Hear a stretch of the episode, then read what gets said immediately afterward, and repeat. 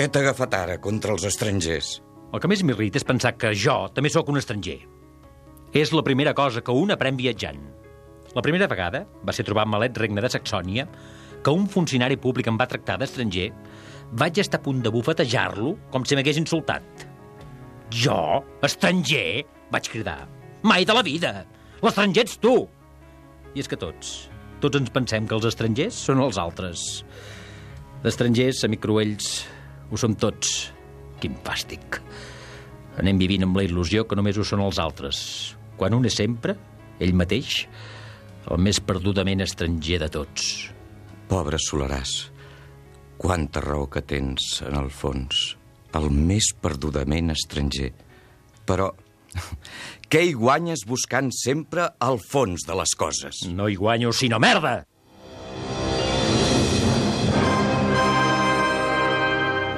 Catalunya Ràdio presenta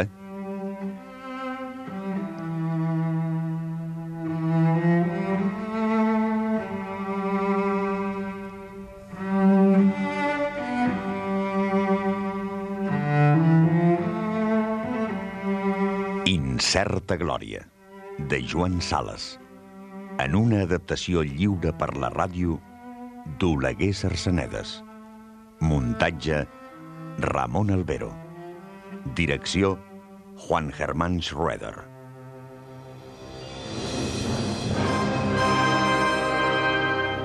Incerta Glòria, de Joan Sales. Una producció de Catalunya Ràdio amb el suport del Departament de Cultura de la Generalitat de Catalunya. Extra, 15 artistes catalans al Palau Robert de Barcelona.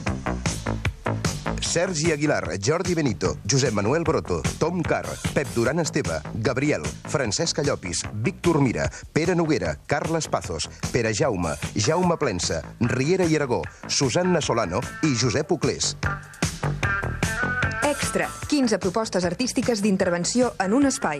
Palau Robert de Barcelona, del 22 d'abril al 24 de maig. Organitzat pel Departament de Cultura de la Generalitat de Catalunya amb el suport de Catalunya Ràdio. Catalunya. Endavant amb la cultura. Capítol 36. Confessió. En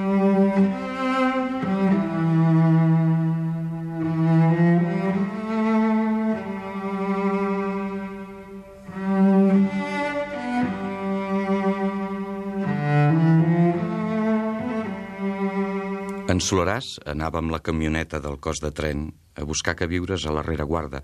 Per això passaven de vegades molts dies que no se'l veia per la brigada. Un vespre, inesperadament, es va presentar a l'infermeria del batalló on jo prestava els meus serveis aleshores. Havia vingut, em va dir expressament, fins a aquell poble, força allunyat de la base d'intendència, per veure'm i xerrar amb mi. Després de sopar, el vaig dur al soterrani, on tenia el meu jaç. Vaig baixar-hi una altra màrfaga per ell. Si et digués que des de sempre, des de la meva més tendra infància, l'univers se m'apareix sota l'aspecte d'un oceà femení, És amb aquestes paraules que va començar el seu llarg monòleg. Estàvem estirats tots dos a les màrfegues respectives. oh, qui pogués capbussar-se a les seves aigües tèbies i vertiginoses. Però un és un tàntal clavat a la platja. L'oceà és a tocar. Impossible capbussar-s'hi. Elles no es deixen. Tu pots fer-te la il·lusió que si no t'hi llences de cap és perquè ets virtuós. Jo no. Cap il·lusió només ja permesa. Ho he intentat tot. Són elles les que no volen. D'altra banda, el meu cas és els més complexos, perquè sóc bojament clerical. N'hi ha que no creuen en res, ni tan sols en la missa negra. Són ells, naturalment, que la diuen, però no saben el que es fan. Senyors importantíssims, saps? Gerents de grans societats anònimes, catedràtics d'economia, formidables pedants. No arriben ni a sospitar que adoren sense saber-ho el pare antietern en persona. El pare antietern? Sí, el pare antietern. És el nom que jo li dono. I per poc corromís, veuràs que és el que més li escau. Estic íntimament convençut que és el seu nom veritable i que si sota aquest nom no és gens conegut és precisament perquè ell li agrada tant l'incògnit. Li agrada prendre les formes més anodines, les seves encarnacions, que són molt més freqüents que no et penses.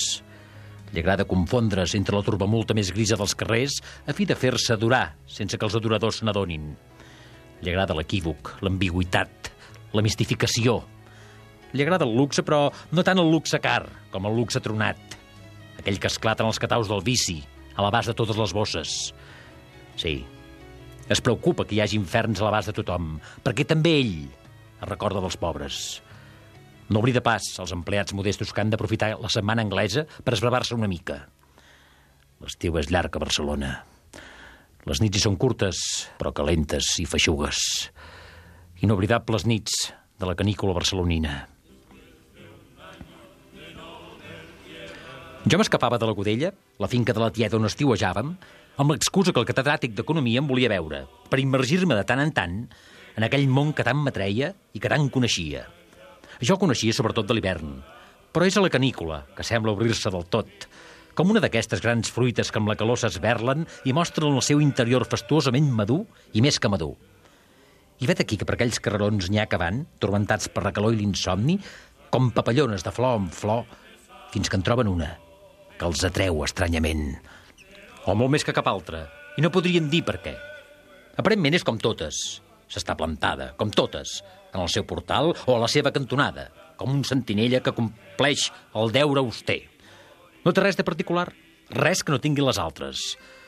Però és als peus d'aquesta que un caurà de genollons en un impuls irresistible. Caure de genollons als peus d'allò que ha de ser destruït per la malaltia, la bellesa, la mort, basar-ho en adoració, renegar l'eternitat per córrer fer-se esclau del temps. Però jo, almenys, no sóc gerent de cap societat anònima. No pontifico des de cap càtedra d'economia. I després, sempre després, me n'anava, ja amb les calorós de l'alba sobre el port, a prosternar-me en alguna església oblidada, ben deserta i ben fosca, amb els ulls fits a la llàntia del Santíssim, per deixar-me endur a la dolçor del penediment.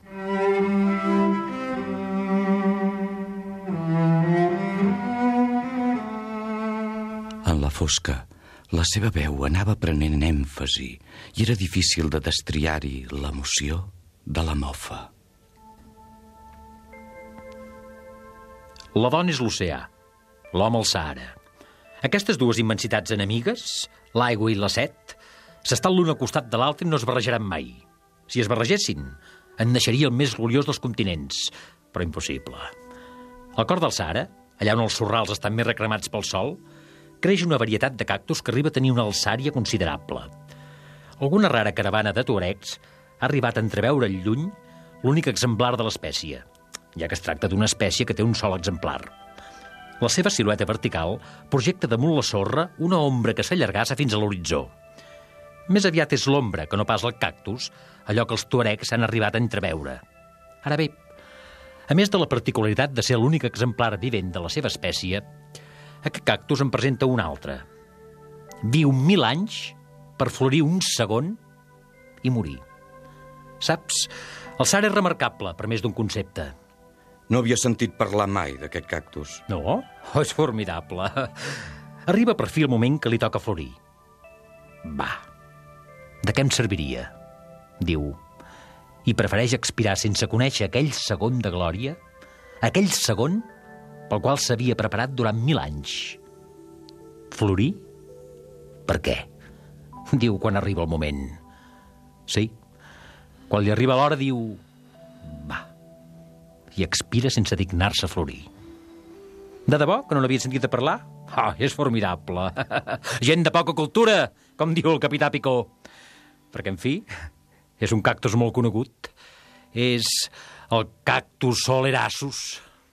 Realment no el coneixes? No. I els insectes? No has sentit parlar tampoc dels insectes? Quins insectes? Quins? Tots. Tots els insectes. Els insectes, no importa quins. És curiós com els insectes comencen la seva vida amb la decrepitud al revés de nosaltres. Quin dels dos sistemes és millor? Hm? N'hi ha que s'arrosseguen penosament durant anys per arribar a viure un instant de joventut, de vol nupcial. Torna a ser, en el fons, la història del cactus solerassus. Tot ve ser el mateix, en definitiva. Com si tot hagués estat fet de cara al vol nupcial, de cara a la glòria. Però que no ens en deixessin tastar més que una sola gota.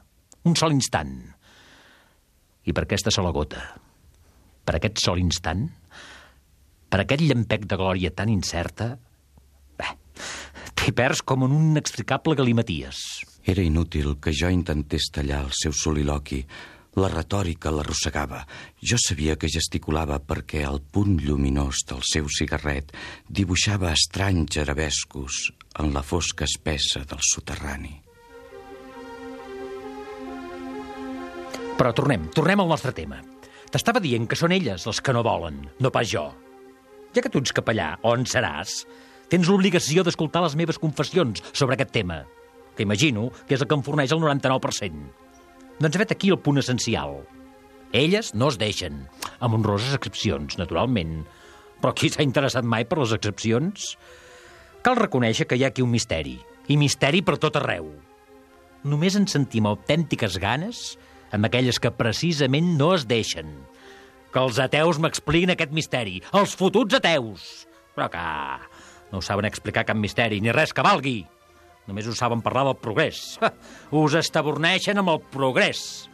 Van a Amèrica i comencen venent diaris a les cantonades. Fan grans fortunes i després tornen per explicar-nos com les han fetes, com si això interessés. La culpa és del progrés, ja que en altres temps aquells que anaven a Amèrica ja no en tornaven i no podien clavar-nos la lata.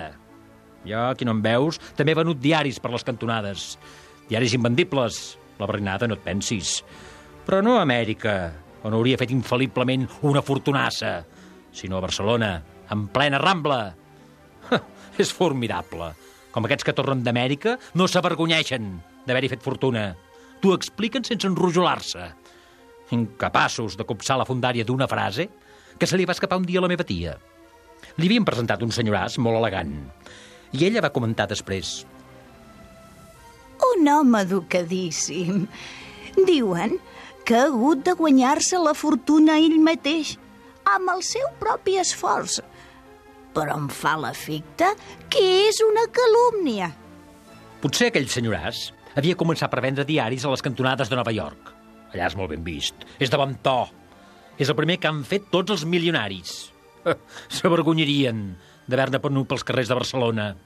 Però Nova York fa distingidíssim. Ve d'aquí un altre misteri, el de la vergonya.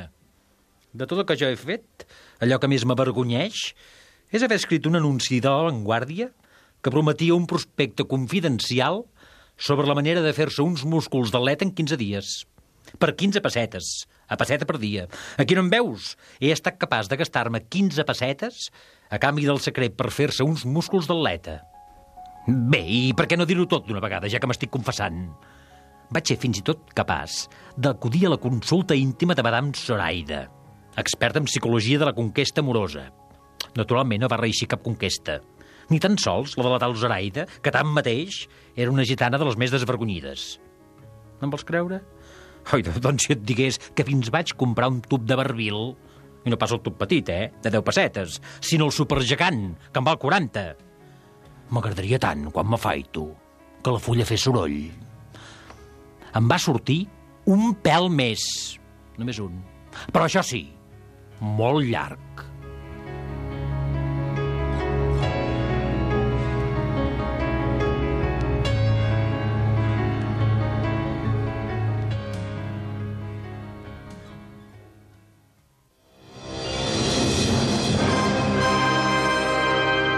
Heu escoltat el capítol 36 d'Incerta Glòria, de Joan Sales, amb les veus de... Cruells, Enric Major. Solaràs, Enric Pous. Tia Solaràs, Rosa Romero.